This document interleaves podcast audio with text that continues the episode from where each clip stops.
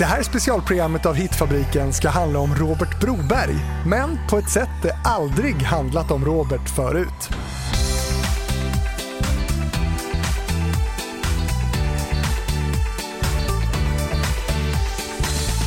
I den här serien program hör du anhöriga till kända musiker välja ut deras favoritlåtar med sin pappa, mamma eller någon annan nära person i deras liv.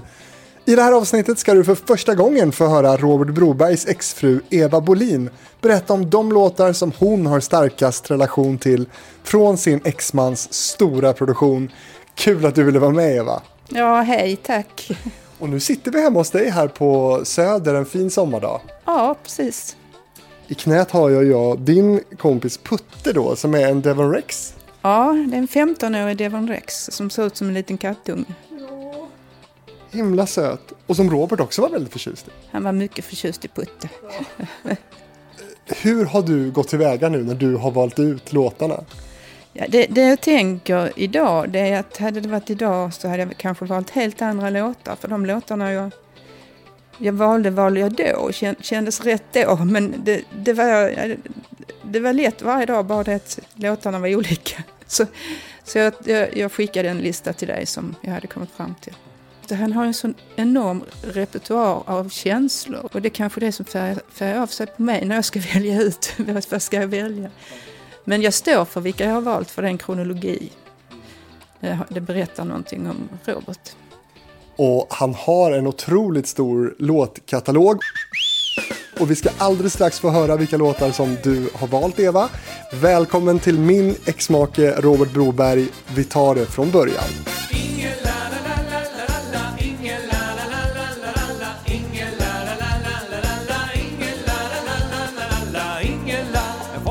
Sångare, komiker, artist, kompositör, estradör, musiker och konstnär. Robert Karl Oskar Broberg föds 1940 och lyssnade i folkmun mest till namnet Robban. Han var Konstfackstudenten som hittade lusten och förmågan att leka med ord. En talang som han utvecklat vidare med sina många humoristiska texter. Han medverkade i radioprogrammet Frukostklubben 1961. Men det var i tv-programmet Hylands hörna som han etablerade sig på riktigt hos det svenska folket.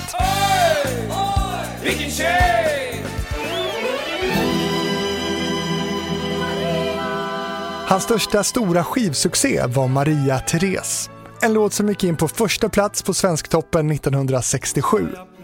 Melodin skickade Broberg in för att delta i Melodifestivalen, men blev inte uttagen. Istället slog den igenom stort efter hans medverkan i tv-showen Önskeprogrammet från Cirkus. Till den vackraste flickan som på jord kan ses Maria.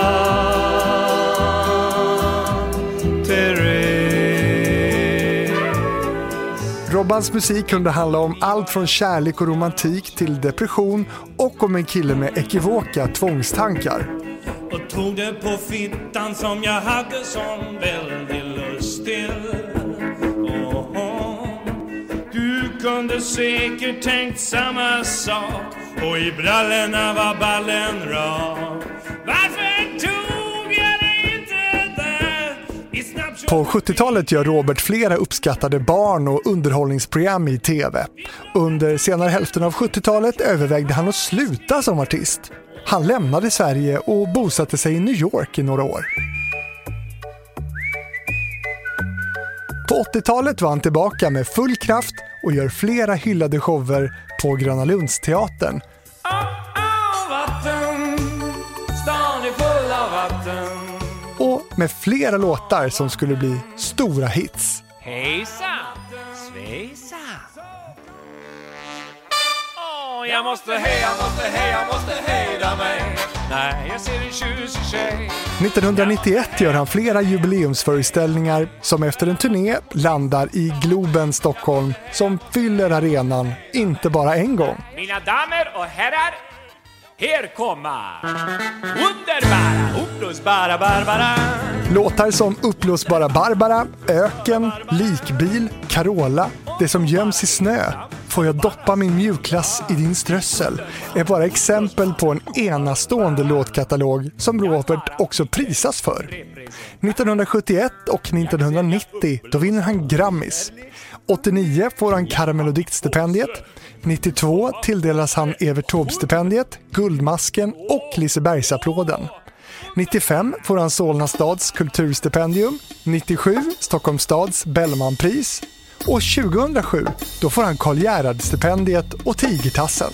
Det var en båt som sa till en annan vad du var stilig Vi borde borda varann Roberts musikaliska avtryck handlade mycket om hjärta och smärta. Under 2000-talet kom hans låtar och scenshower allt mer handla om livet, åldrandet och döden.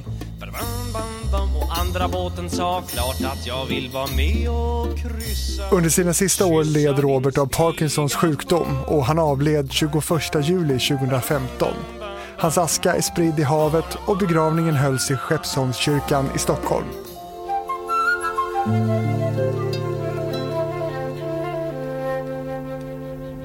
Jag tror på Robert hade många kärlekar i sitt liv. Han var gift två gånger med två Evor. 1963 till 1975 med Eva Myre och mellan 97 och 99 med Eva Bolin. Däremellan hade han ett antal relationer och fick fem barn. Emma, Ane, Oscar, Felicia och Isabella. Och för första gången i en längre intervju har Roberts exfru Eva Bolin valt ut de låtar från sin exmans stora musikskatt som hon har närmast relation till och som gjorde hennes före detta man till en av Sveriges mest kända artister. Jag tror på kärleken. Ja, Eva, han tror på, på kärleken, Robert, och den här är skriven till dig. Ja, det är den. Det var lite överraskande att du valde den. Men, men det här var inte den enda låten som han skrev till dig, va? Nej, han, han har, det, nej, men när du frågar om det var svårt att välja så har han ju skrivit rätt så mycket om mig. Och jag har nog inte valt en enda för att eh, han har gjort två album som handlar om mig. En på engelska, Windshield Wipers. Och så har han gjort en som heter Flygeltur. Det handlar också om mig. Det, handlar också om att han köpte en ny flygel. Mm. Och det här med att tro på kärleken, det, det gjorde du också? Med honom alltså?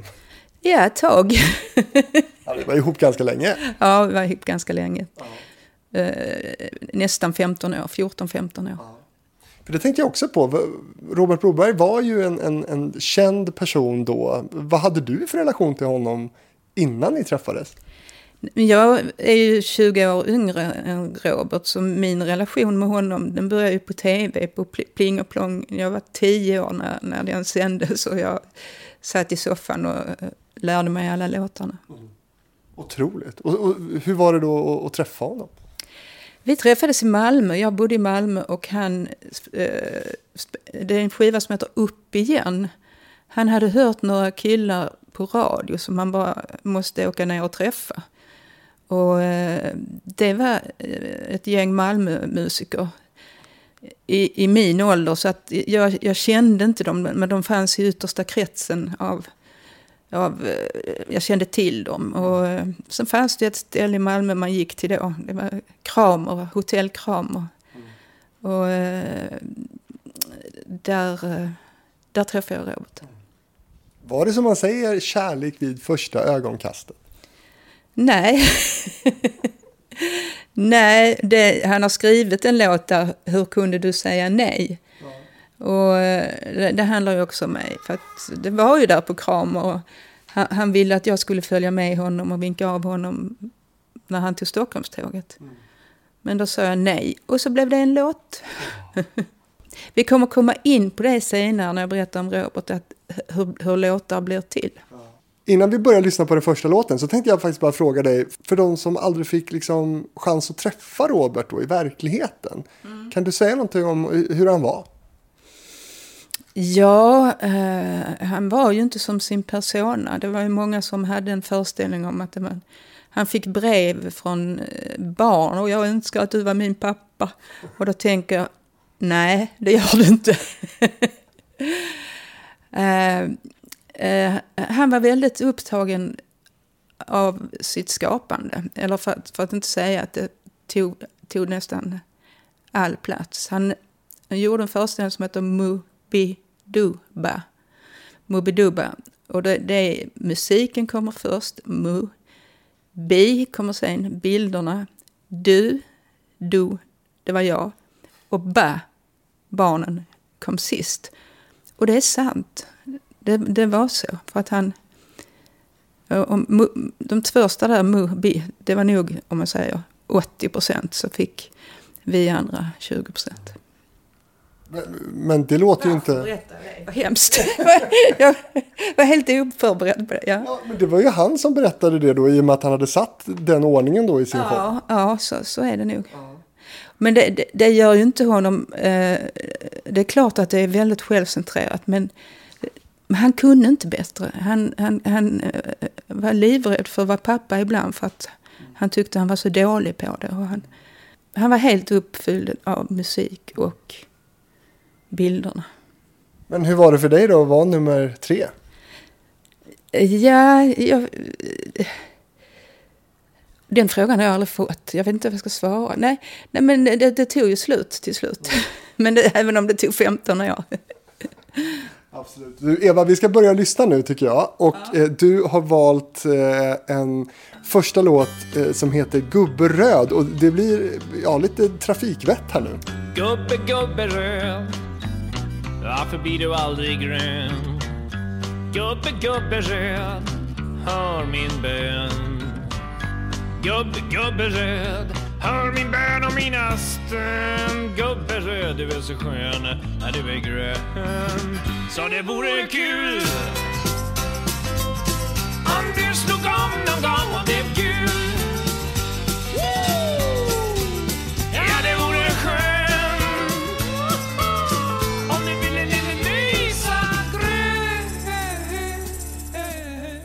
Jag vet hur jag tänkte att All, alla känner, känner till båtlåt och hur han lekte med orden. Det var en båtförälskelse. Som, och det är lite med Gubbe Röd också. Det är, det är samma leklusta och det är samma lek med, med orden och det kommer komma en sån låt till.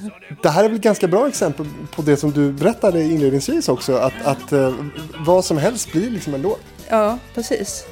Så, så var det.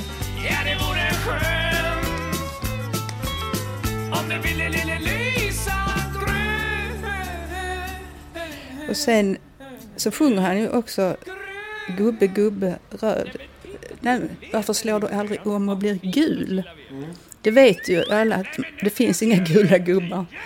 Men sånt kunde han bjussa på eller le leka med. Det gjorde inte honom någonting. Vill man stava tjejer med två J, då gör man det oavsett hur det stavas. Det är väl ett bevis på den här liksom, konstnärliga friheten då som, som han levde i. Mm. Ja, så är det. vore kul om du slog om någon gång och blev gul Men vad säger det om honom? En av de första träffarna vi hade var på en restaurang i Malmö. Då sa jag att jag retade mig på en tavla som bara var en röd prick. Det var en konstnär som hade tagit tummen och satt en röd prick. Och jag tyckte det det var simpelt, det kan ju vem som helst göra, sa jag till honom. Då sa han, gör det då. jag blev helt tyst.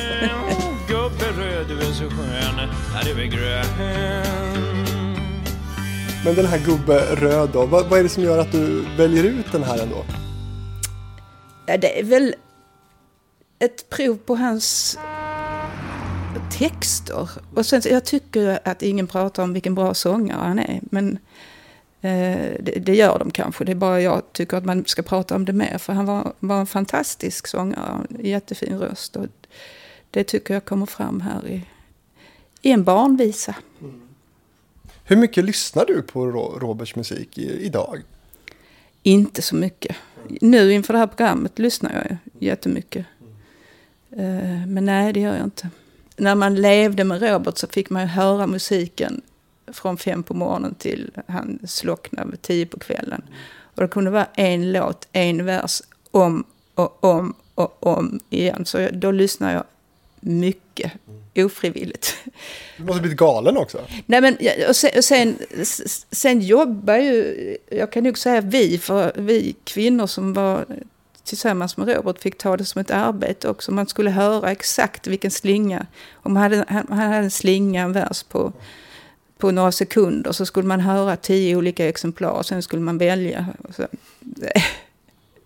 Och han älskade ju att göra sina konvolut också, skivkonvolut. Så han satt och klippte och målade för hand. Så det kunde vara väldigt viktigt var en punkt eller var en accent skulle vara. Då fick man välja på tio olika ställen var den skulle vara. Och egentligen tyckte man ingenting. Sätt dit den för fan. Liksom. men, men han var som petimeter. Du, nu när vi lyssnar då på de här låtarna som du har valt, tror du att, att den som lyssnar kommer få en, en annan bild av hans musik än vad gemene man kanske har? Ja, det tror jag. Mm. Spännande. Mm. Nästa låt som du har valt heter Elisabeth. Mm. Det läckraste jag någonsin sett Det är Elisabeth För hon har alltid ett Förrätt, varmrätt, efterrätt mm, Den läckraste assiett jag sett Det är Elisabeth Varför har du valt den? Den skulle säkert inte klara sig nu med, efter 2017, metoo. Men, men egentligen så sjunger han ju om en assiett. Hon är så skön Servera Det, det är ju ingen kvinna, utan han, det är en assiett. Det är den läckraste assiett han sett. Mm, och, och den assietten heter Elisabeth. Och här också hur han sjunger. Jag tycker han sjunger jättebra. Sen tycker jag, ja, det, det handlar om hur het och gör och, omelett och det handlar om, visst handlar det om en kvinna och det blir någon slags omskrivning här. Det är en omskrivning, tack för det ordet. Tack. Ja, ja det är en omskrivning, det är det. Mm. Och ganska mycket stönanden också genom låten som man hör. Ja, det är det ju. Och det här som du säger att, att, um, att han inte skulle klarat sig eh, under metoo. vad, vad menar du med det? Men det, det är väl, det här, jag tror vi är på 60-talet nu va? Nej, eller jo, det är vi. Slutet på 60-talet. Uh, det var ju en annan tid, en annan kultur. Och han, var, han, han var ju helt omedveten om att den var sexistisk. Han och alla andra i den tiden. Tror jag. Man av sin tid. Ja, han, han hade nog inte gjort Elisabeth 2015. Det tror jag inte. Men det där är väl ganska intressant då, för, för, för det finns ju många drag av, av det sexuella i, i Roberts texter. Ja. Varför hade han en sån närhet till det?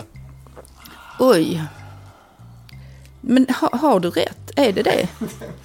Ja, det, det, finns många omskrivningar på sexualitet, men det är han ju knappast ensam om. Det, det han är ensam om det är ju att han, att han gör det så roligt. Att det blir det är alltid... Alla den låtarna på den plattan, Tjejer, är ju roliga. Och upplösbara, underbara uppblåsbara Barbara, det började efter att han hade varit och sett en konsert, eller lyssnat på en konsert med Barbara Streisand och var helt knockad av henne hur hon sjöng så han skulle gå hem och skriva en hyllningsvisa till Barbara Streisand. Men sen så, sen så, blev, det under, så blev det underbara Barbara, Barbara, ja. Så blev det någonting helt annat. Ja, det var mycket tjejer ju i hans låtar också. Barbara, eh, Ingela, Elisabeth, eh, Carola. Var, var han tjejtokig skulle du säga? Alltså, då, ingen av de tjejerna fanns ju. Mm. Uh, Nej, men det är den här boken som kom ut för ett par år sedan om Robert och att det var skriverier eh, löp på löpet, att han var notoriskt otrogen och att han var en sexmissbrukare. Det är inte sant. Och som jag sa till dig, liksom att jag, jag har levt med honom i 15 år och när det, när, när det inte är så bra. Visst finns det otrohet då, men den är inte notorisk och det gäller inte bara han. Men det var väl bra, att, eller skönt att kunna få dementera det? Ja. Men han var ju, det är klart han var fixerad om man, med hans texter och vilka låtar han skriver. Och sådär, men... Ja, nej, men jag, jag blev besviken på den boken. Eller jag läste det som jag sa. Jag har inte läst den. Men jag, jag, såg, ju, eh, jag såg ju rubrikerna i Aftonbladet och Expressen. Och, och jag sa till dig att jag tänker liksom här är en man som har varit med, med konsten i över 50 år. Och varit oerhört produktiv och levt för konsten. Ska han bli ihågkommen? Ska det bli hans eftermäle? Att han är sexualmissbrukare? Det är inte så kul. Speciellt när det inte är sant. Hur viktigt är det tycker du det här med hans eftermäle? Att, att man kommer ihåg honom för, för, för den konstnären han var? Jag tänkte jag glömde säga en sak. Eh, det var ju inte så. Han behövde ju inte jaga så mycket kvinnor. De, de fanns där runt omkring honom. Och, eh, ja, varför vill jag säga det? Liksom, nej, nej, för det var, är väl den här notoriskt otrogen. Det låter som han springer runt och jagar kvinnor hela tiden. Han mötte ju mycket kvinnor i, i med sitt, sitt jobb. Eller, och han, han ville ju ha bekräftelse, absolut. Vad hade han då som gjorde att, att eh, kvinnor drogs till honom? Det, det, det måste ju du veta. Ja, det vet jag. Nej, jag, nej, men jag gjorde ju inte det i början. Eh, nej, men han var snygg. Eh, han, han var 42 år och han var skitsnygg. Och... Det var ro, roligt att prata med honom. Det kan jag tänka mig att det var. En riktig konstnärssjäl. Jag träffade själv Robert en gång på Allsång på Skansen 2001 när jag jobbade där och han skulle uppträda. Och det, det är väl den bilden jag har av honom också. En, en, en sann konstnärssjäl med håret på ända. Liksom. Mm, och, och väldigt disciplinerad. Det är också kanske en missförstånd. Han är oerhört disciplinerad när han arbetar. Det är, där är det, det är inte pling och plong på riktigt, utan där, där, där är det, ja, det är allvar. Hans arbete var allvar. Nästa låt heter Redan när vi sätter oss till bords. Redan när vi sätter oss till bords börjar vi älska med varann. Du och jag alldeles nakna. Medan vi sen äter vår sallad känner vi allting mer och mer. Och du ler utan att sakna. Som vi varandra nu en längre tid nu är du här tätt, tätt bredvid. Jättefin låt eh, där många kanske känner igen en annan version av den än den som du har valt. Berätta om, om den här versionen. Jag har ju valt versionen med Adolf Fredriks gosskör för att jag tycker det är så vackert. Eh, sen, för jag har ju två låtar på listan som jag har valt för jag tycker det är så jävla bra låtar och detta är en av dem. Eh, och eh, då blev Robert dödskallemärkt, kallade de det. För då, man fick inte lov att spela den här låten. Och han har berättat för mig, liksom, här kan jag skriva sånger om tjejer som är uppblåsbara och, och porr, Carola, det är en porrtidning. Men när jag skriver en sång till min fru som handlar om kärlek, då blir jag dödskallemärkt. Så, eh, sådär. Var han besviken över det? Ja, mycket. Besvi- bes- han kunde bli besviken, men man blir mest arg.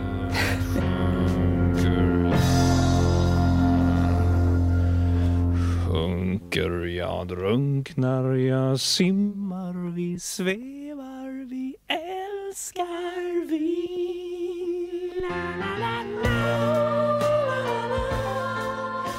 Jag träffade inte den här arga Robert då. Jag har träffat honom sen. Men det var ett eh, program på det som heter Kvällsöppet, kommer jag ihåg, där han fick kommentera det här. Och då var han arg. Vad intressant att du kom in på det, för jag tänkte just fråga om, om just hans relation då till, till press och skriverier och sådär. För han, han lämnar ju ett avtryck där, ja, till och med efter hans död och i den här boken som, mm. som du nämnde. Vad, vad hade han för relation till, till pressen skulle du säga? Eh, nej, den var väl inte så bra. Han, han eh, och jag kommer ihåg att jag sa, men, men skriv tillbaka, aldrig i livet, man ska aldrig liksom kommentera en recension. Men det var väldigt frustrerande när det var, när det var dålig, då, dåliga recensioner. Då, då var det inte kul att vara Robert Brobergs fru. Vad hände då? Nej, det blir ett mörker. Det blir ett totalt mörker. Vad innebär det? Det innebär att du du har en tyst Robert Broberg. Om, om du tänker dig Kapten eh, Haddocks, han hade en pratbubbla ovanför och det var bara blixtar och dunder. Och, liksom, och det var väldigt, väldigt svårt att andas, för luften blev kvar. Mm. Tog honom hårt? Ja, nu tänker jag på en speciell recension, men eh, det, det, inte, tog, nej, inte alltid tog det honom hårt. Ibland tyckte han bara... Nej, det ryckte på axlarna. Men ibland. V vad var det för recension, kommer du ihåg? Nej, men jag kommer ihåg vem som, som skrev den. Ska jag säga det? Säg det, det är väl preskriberat? Ja, det är preskriberat. Bertil Mollberger, DN tror jag. Mm. Det förlät han aldrig? Nej. rösten på den här låten tycker jag är så häftig för att här får man ju höra hans botten. Mm.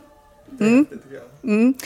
När han skulle spela in de bastonerna, då gjorde han alltid det på morgonen.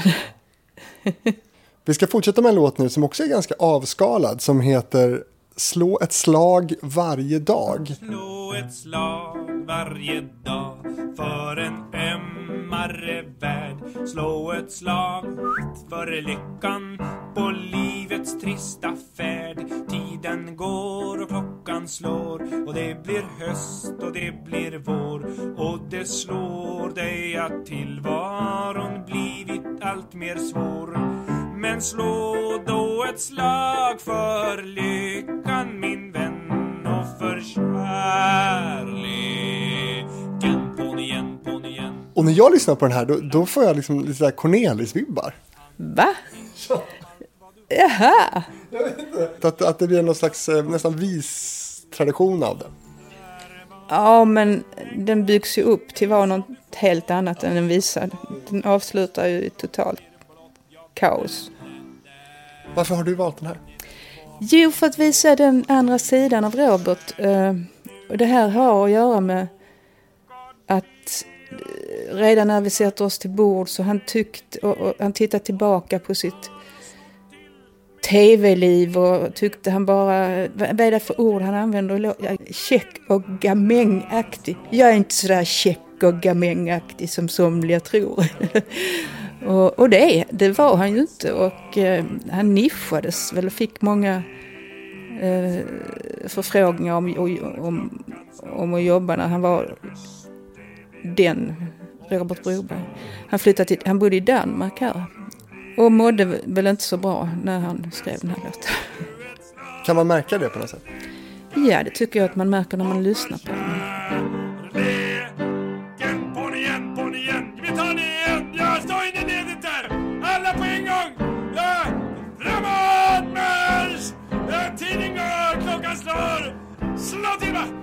puckla på varandra! Ja, nu, slå ihjäl varandra! Ja, ja, det är härligt! Nu! Åh! Nu är alla med! Nu slår vi ihjäl varandra tillsammans allihopa i en härlig jätteorgasm i samvarons härliga, svettiga konfrontation. Så, ja, ja, ja, ja, ja, Och jag ville ha med den bara för den här Robert. Det här är ju tidigt 70-tal tror jag. Men den Robert fanns alltid med, även om han inte visade den utåt längre. För han hade ju mörka perioder också där han övervägde att, att helt sluta med musiken. Han, han flydde till New York bland annat.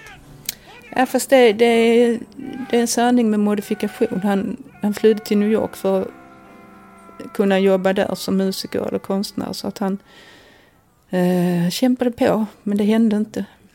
Han, vad var det han sa? Han ville... Nej, nu blandar jag ihop det. Han ville ha en hit i Japan. men han ville ha en hit i New York också. Mm. Han, han, ville bli en internationellt stor artist. Ja, det ville han. Vad var det som gjorde, tror du, att, att det inte blev så? Eh, nu kan jag ju bara spekulera, men eh, Robert gjorde allting själv. Och jag, jag, tycker, det har jag sagt till honom också, att han skulle nog inte göra allting själv. Han skulle kanske ha med någon producent eller att låta andra öron lyssna och andra klippa och andra. Men han, det gjorde han inte. Utan, och det är just den här skivan Windshield Wipers. Jag tror den hade blivit en hit om han inte hade producerat den. Är det någon slags kontrollbehov här som gör att han inte vågar släppa det? Eller? Ett enormt kontrollbehov. Mm. När det gäller allting. Nästan eh, patologiskt kontro kontrollbehov. Nej, men jag berättade om skiv, skiv, när han gjorde sina konvolut. Han kunde ju hålla på flera dagar med små pilar och små eh, snurror. Och skulle den snurra hit eller ska den snurra dit? Och vad tycker du Eva? Nu har jag ändrat den Eva, kom igen, nu har jag ändrat den. Nu är den där, visst är det bättre? Ja, nej kanske inte, kanske inte. mm, så. Att han orkade själv? Ja, men det var, han, han gjorde ju det hela, alltså hela livet. Från, från att han vaknade klockan fem på morgonen så han hade ju alltid papper och penna vid sängbordet. Och, eh, det, det, det, var ju... Jag vill inte använda ordet manisk, men jag kom, kan inte komma på något annat. Eh, Eh, det, det, var... Eh, allting annat än hans arbete trängdes undan i hans liv. Och när han var utan arbete, eller när han inte, eller när han inte fick sina idéer längre, då var det slut. Då var det knallsvart. Då var det... Alltså det var inte så att vi andra fick mer av honom då, utan då var det helt slut när han inte fick sina idéer. Då var det, då var det bara mörker. Han har ju ritat en teckning i den boken jag visade dig. Mm. När jag är riktigt nere går jag in i mitt mörkrum och förstorar upp mig. Men det, det, är ju, det är ju sjukt detta egentligen. Alltså när man tänker på, zoomar ut utifrån och ser en person som, som är så inne i sitt jobb och sitt skapande. Eh, det, det är inte bra väl? Nej, det är inte bra. Nej. Hur blir det så? Nej, men att jag inte väljer maniskt, det var för att jag kunde se att det, när han hade haft en kreativ period på ett år kanske och tyckte att det var jättekul. Och, och sen när han har lanserat det, om det är en skiva eller om det är någonting annat, då blir det totalt mörkt. Även om det har gått bra, även om man har fått bra recensioner. För då är, då är han tömd på idéer och då vet han inte vem han är. Han har liksom ingen kontakt med sig. Han vet inte vem han är när han inte skapar. Men gick han i terapi någon gång? Lösryckta gånger. Mm. Får jag berätta en sak? När vi, när, vi när vi skildes, när han gick inte så mycket i terapi, när vi skildes så sa jag till honom, du måste ju gå i terapi. Så sökte han upp någon tjej som han hade träffat och, och, och började i terapi hos henne. Som han hade träffat innan, för, för, för några, ja, i och med att hon var psykoterapeut. Och sen ligger han med henne. Det är så jävla dumt. Jag blir så glad. Åh, nu ska han gå i terapi. Äntligen. Ja. Vilken jävla terapeut va? Mm. Men det, ja, han blev inte hjälpt. Nej, absolut inte. Det, det var ju... Ja. För stunden kanske? Ja, för stunden, ja. Precis. I wanna be a machine Strong and clean With no human feelings nästa låt som du har valt passar ganska bra in här då tänker jag. För den heter I wanna be a machine. Och när man hör den då undrar man ju då att det kanske var det han ville. Ja, han ville bli en maskin. Switch over to another channel. Press a button here, press a button there. Directed from a faceless panel. I wanna be a machine, strong and clean, with no human feelings. It would be easier, I mean, if I could be a machine instead of a human being. Switch on, switch off. Här, här tog han ju, här valde han ju kreativiteten ändå från mörkret och berätta om mörkret. För han ville bli en maskin, han ville slippa av och slippa tänka och slippa välja och slippa att agera. Den, den är helt sann, I wanna be a machine. Och den, den vill jag också ta med i resten av hans liv, precis som eh, slå ett slag. Alltså de, det, det var, bara för att han sjöng de här på 70-talet så, han, så betyder inte det att han hade lämnat det tillståndet, för det fanns där alltid. Det låter ju också som att det är svårt att vara Robert Broberg. Men det var svårt att vara Robert Broberg. Så han, han, hade ju inte några vänner och det var ju självvalt för att han var så upptagen. Han sa ju till mig, Eva, jag är självupptagen. Och det betyder att jag är väldigt upptagen av mig själv. Och, eh, och som jag var inne på det här med att han var ju väldigt osäker om, det, om, om vi var på någon middag. Sen kunde de, det gå bra och då pustade han ut. Ja, oh gud, det var ju trevligt. Eh, men eh, för honom att ställa sig upp och hålla tal, det finns inte. Och de som sa, åh Robban, kan du inte ta fram gitarren? Aldrig i livet. det, nej, den personen var han inte. I wanna be a machine. Strong and clean. Var det svårt att få ihop då för, för dig som levde med honom de här olika delarna där han ändå liksom kan stå på scen för tusentals människor, framföra de här verken men, men att han är en helt annan person privat? Hade det varit svårt så hade jag nog lämnat honom tidigare. Ja. För, för det var ju kul också. Vi, vi hade roligt. Och på tal om vänner då, då skulle ju de hamna på en femte plats som, som högst då. De var inte ens med på Mobiduba. Vi ska gå vidare och den sjätte låten du har valt heter Barhopping. Årar på min kudde, nej, nej, nej, det kunde ha varit så Men ikväll är allting alright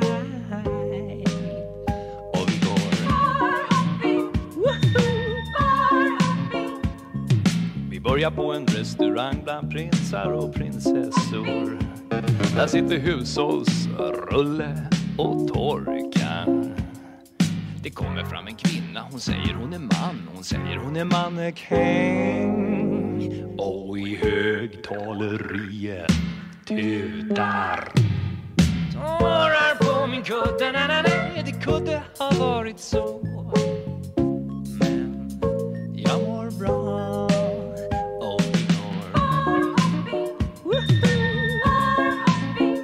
Och barhopping, det kan ju vara trevligt men det blev inte så mycket barhopping för Robert.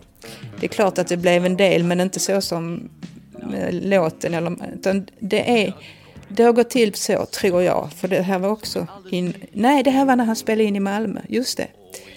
Uh, nej men om de är ute ett gäng och går från bar till bar och kommer på det här med barhopping då sitter han med och så sitter han med servetter och skriver.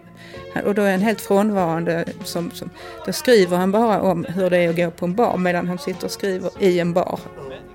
Och det, jag skulle ta en jämförelse. Jo, han gjorde en låt som heter Öken som blev väldigt känd. Det var Öken? Och vi var i Israel och vi skulle ta en bussresa till Kairo. Så, och då hade Robert lovat, för att jag hade sovit dåligt den natten, så han hade lovat att han skulle ta större ansvar med Isabella. Er dotter? Ja, vår dotter.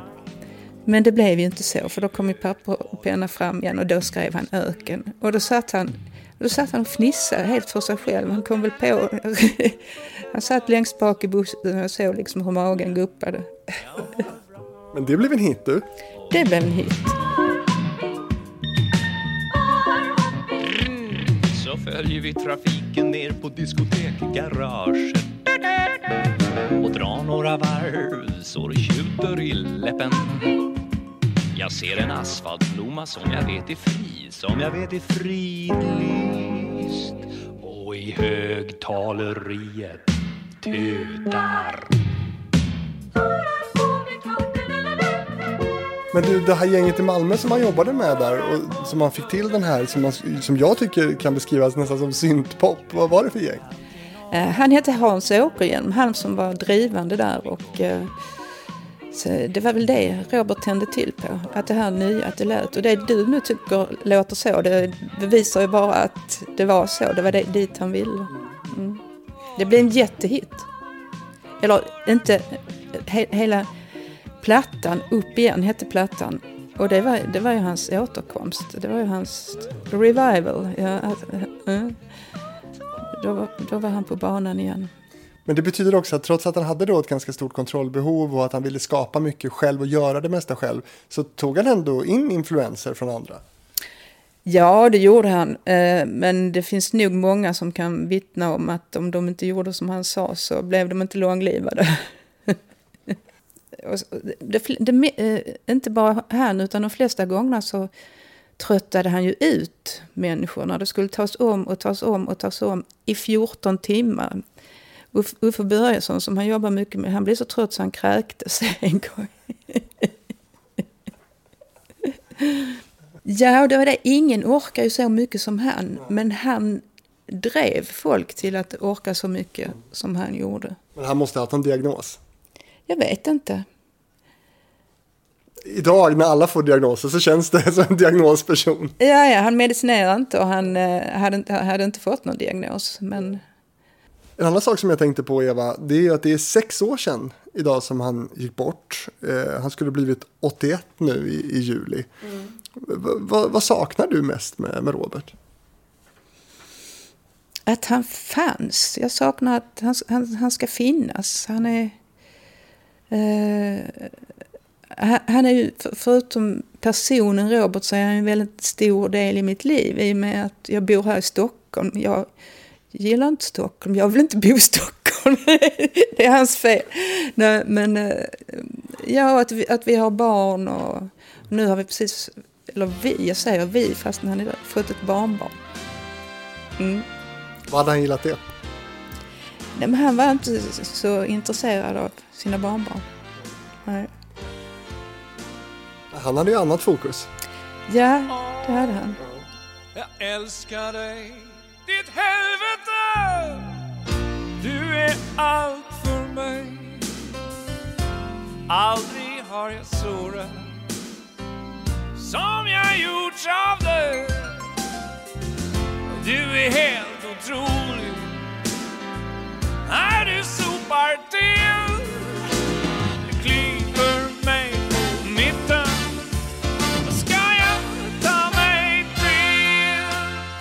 Nästa låt som du har valt Eva, det är Jag älskar dig, ditt helvete. En, en titel som får en att, att höja på ögonbrynen naturligtvis. Ja, men det är, det jag tycker det är bland det bästa han har gjort. Jag tycker han äh, sätter fingret... Det här är ju inte ordskojeri utan det här, det här är verkligen en känsla. Vilket helvete det är att skiljas. Äh, så det här, det här är också Robert men en annan sida av honom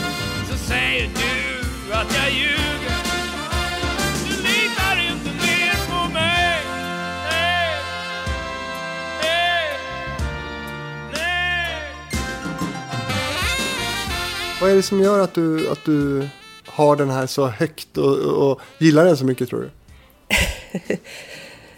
ja, det är också gunget, det är hans sång och det, det är texten. Mm. Jag tycker det är, fräckt att en låt heter Jag älskar dig, ditt helvete. Jag tycker det är genialt. Han sjunger här att han vet hur det känns att älska och att säga adjö. Ja, precis. Det handlar inte om mig. Han har ju sagt adjö till andra. Ja. Nej, han var jättekär och förälskad i Agneta Fagerström Olsson på 70-talet. Eh, men nu får jag bara gissa, men jag gissar att, att, att hon inte var så där följsam mot Robert utan att hon bara vågade vara sig själv. Att hon, hon var för stark för honom, tror jag. Men i början av det här programmet så pratade jag om att han hade ju ganska mycket kärlekar och kärlek i sitt liv. Men, men hur kommer det sig när han är en sån otroligt säregen, svår person? Det, det var ju villkorat också på det sättet att han var så fruktansvärt svartsjuk. Mm.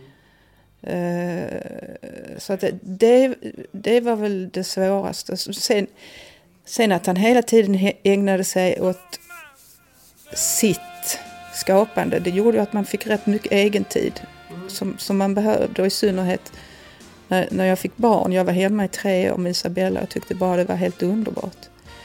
Eh, men oftast la han beslag på, på, på kvinnorna i produktionen. Att man skulle alltid vara där och som jag berättade innan, lyssna på minsta lilla pip och minsta lilla plång. Och, men sen, sen, när han var inne i sin egen värld då, då kunde man vara ganska mycket för sig själv. Men han stod ju inte ut med att man träffade... Jag har rätt många manliga kompisar, har alltid haft. Mm. Det gick liksom, det gick inte. Så en av mina manliga kompisar, Hans Nyberg, han hade fått barn samtidigt så oss och våra barn lekte så bra ihop. Men jag ljög för Robert och sa att Hans hette Louise eller någonting annat. Fick han reda på den där lögnen någon gång då? Nej. Det säger ju någonting om Robert också och mm. just det här kontrollbehovet han har. Mm. Men, men eh, du är ju inlåst. Ja, det är jag. Och speciellt sen mobilen kom. Jag fick en mobil 1997 tror jag. Nej, ja, nej det kvittar. Mm. Men det var en fotboja. Det var inget kul. Fotboja på vilket sätt? Därför att eh, han blev tokig när man inte svarade. Och då, han trodde liksom att man var ute på galej, vilket man inte var. Ofta stod man i, i, i, och handlade eller i kassan eller var med Isabella. Men hur orkade du det här? Jag vet, jag vet inte. Jag, jag, har väl funderat på det. Det var ju det jag inte gjorde. Jag orkar ju inte till slut. Ja, men 15 år ändå, det är lång tid. Ja, fast de första åren, de första åren hade vi en så kallad fri, vad, säger man, vi, fri, fri relation. Öppen relation? Öppen relation heter det, öppen. Eh, och då bodde jag i Malmö, jag hade en jättefin lägenhet vid Möllevångstorg, en, en egen trea. Och då, det var Robert som föreslog en öppen relation och det passade mig alldeles utmärkt. Så för, ja, av olika anledningar. Eh, men sen passade, sen passade det inte så utmärkt för Robert när han fattade att det gällde mig också. Men herregud. ja. Han tyckte att han skulle få, få ha en öppen relation men du skulle inte få träffa andra. Nej. Nej. Jag var ute på krogen med en, en kille. Och så tog han reda på var jag var så dök han upp där. Och satte sig, bara tittade. Satte sig upp på en stol och tittade. Så eh, nej, då gick jag därifrån med, med Robert. Det, så var det. Det låter ju helt otroligt. Mm. Han är ju också en offentlig person här. Mm. Jo, det, det, har, det har varit några incidenter. Mm. Tänk också att dina vänner och familj runt dig måste väl också haft åsikter tänker jag kring det här. De tog upp det med mig, det gjorde de. Jag var så mycket i Skåne då. Eh, min far var sjuk. Så jag ville, vill, jag, jag ville till Skåne så mycket som möjligt. Men då passade jag på att träffa mina kompisar. Och, för. Låter klokt. Mm. Nästa låt heter När verkligheten blir sagolik. Jag cyklar ner till morgondoppet med min dotter lilla vägen till vår sommarvik. En av de stunder när verkligheten blir sagolik. Och när hon räknar till tre och jag dyker i och blandar mig med ål och gädda, abborre och sik. En av de stunder när verkligheten blir sagolik och när vi cyklar genom skogen och tittar på rådjurens underbara morgongymnastik. En av de stunder. När verkligheten blir sagolik Fin låt, vad, vad, vad betyder den för dig? Den betyder rätt så mycket för det handlar om Robert och det handlar om Isabella, vår dotter. Och det handlar om, om Robert var så förtjust i havet. Eh, och, det, och den är ju sann, den här låten. Eh, Isabella vaknade tidigt på morgonen och då tog Robert med sig henne på cykeln och så räknade hon till tre när han skulle dyka. Och sen är det mitt älskade Blekinge. Jag har en sommarstuga i Blekinge och Robert var ju där ofta. Och tyckte det var jättefint. Han tyckte det var sagolikt. mm. Han sjunger här också det här med att samla hela familjen. Eh, var det liksom viktigt? Ja, det var min familj. Det, det var mor och far och syster. Mm. Men, men, jag tänker, hände det någon gång att ni träffades hela storfamiljen kring Robert? Alltså hans före detta och andra barn och så? Ja, oh ja. Det hände rätt många gånger. Där var han lite så gudfaderaktig. Han bjöd alla sina barn och barnbarn till Kanarieöarna till exempel. Men också där hade han ju kontroll. Eh, för då, är, då bjuder han och det är han som tar fram börsen och betalar för alla. Och, eh, det kan man väl göra men eh, jag menar att relationerna var inte så avslappnade. Och att stå här och sjunga den här sången framför en sån alldeles underbar publik är en av de stunder när verkligheten blir sagolik. Men, men ni har haft ändå goda relationer sinsemellan liksom? Ja, ja. Det tyckte jag var fint när, när de skulle göra upp efter begravningen. Så var de, de var nog inte ovänner en enda gång, jag tror inte det. Och nu sitter alla fem barnen i Robert Brobergs styrelse tillsammans. Jag ser på det, det betyder mycket för dig. Ja, jag tycker det är så fint. Mm. Det betyder inte alla fem barnen har haft problem med Robert. Så det, det, det är väl att Ja ja, det betyder mycket för mig. Det, jag tycker det är så fint. Det skulle kunna vara upplagt för världens språk. Han har, bråk, han har ju barn med tre kvinnor. Och de är fem stycken. Men de har inte bråkat. Jag tycker det är...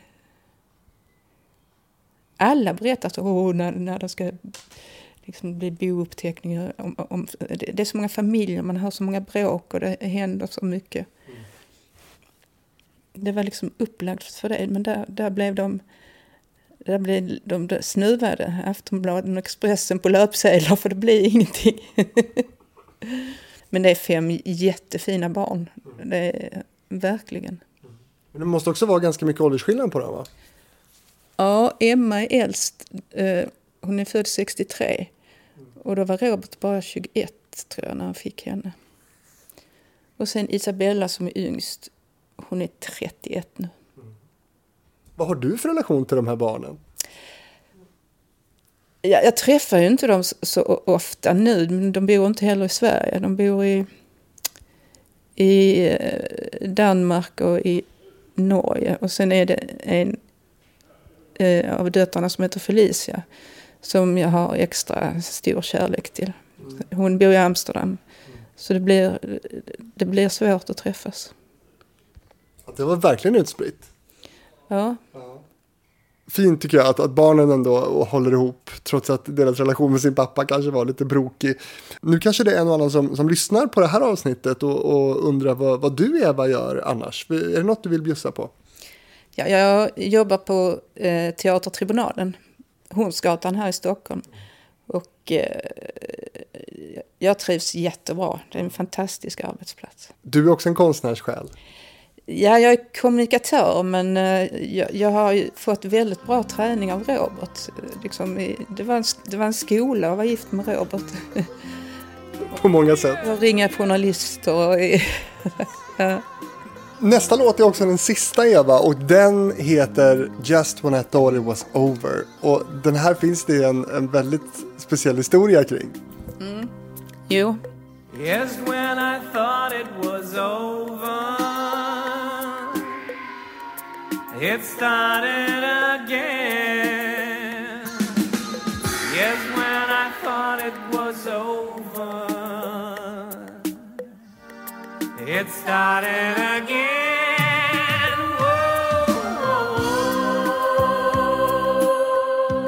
Det var innan vi hade flyttat ihop när jag bodde i Malmö och, och, det, och Robert var...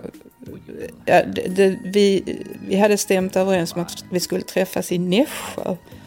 För att jag ville inte åka till Stockholm och han ville inte åka till Malmö. Så då träffades vi i Nässjö. Och gjorde slut. Sen åkte vi på varsitt håll igen. Och så skrev, då skrev han den här låten. Men det blev ju bra igen. Så att,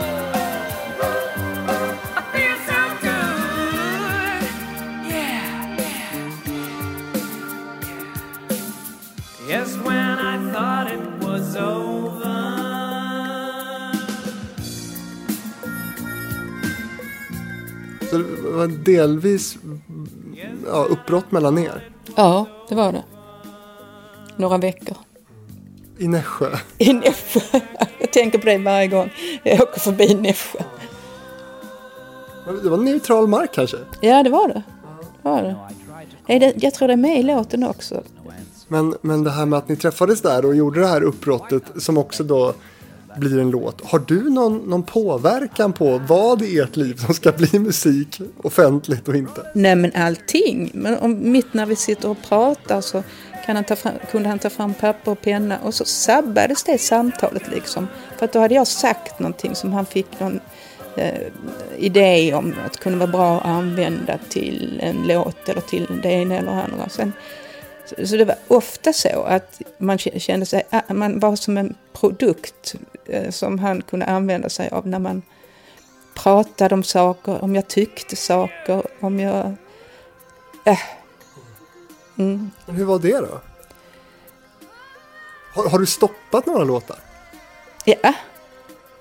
Nej, det var, det var ju ingen färdig låt, men eh, det, var, det, det, det, det är det här med att jag inte tycker han ska producera själv. När det är för mycket uh, uh, så då, då, då sa han, "Nej, nej Robert, det är inte kul.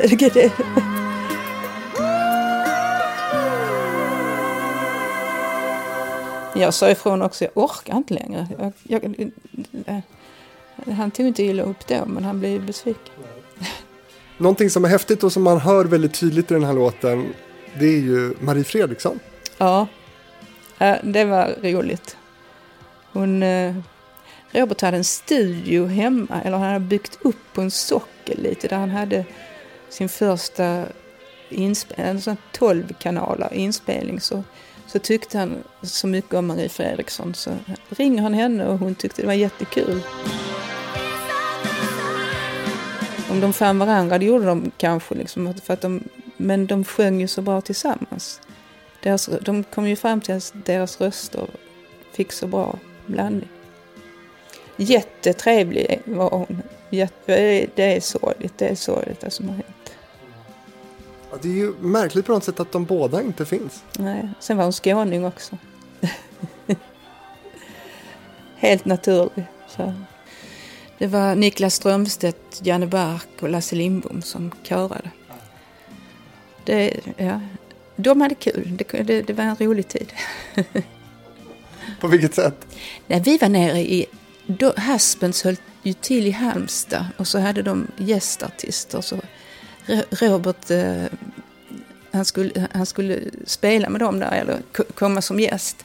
Och då bodde vi på Marstrand. Så sa Robert, jag på ett villkor att jag blev hämtad med helikopter. Sa han faktiskt på skoj. Sen eh, så, så, så kommer det en helikopter och hämtar oss.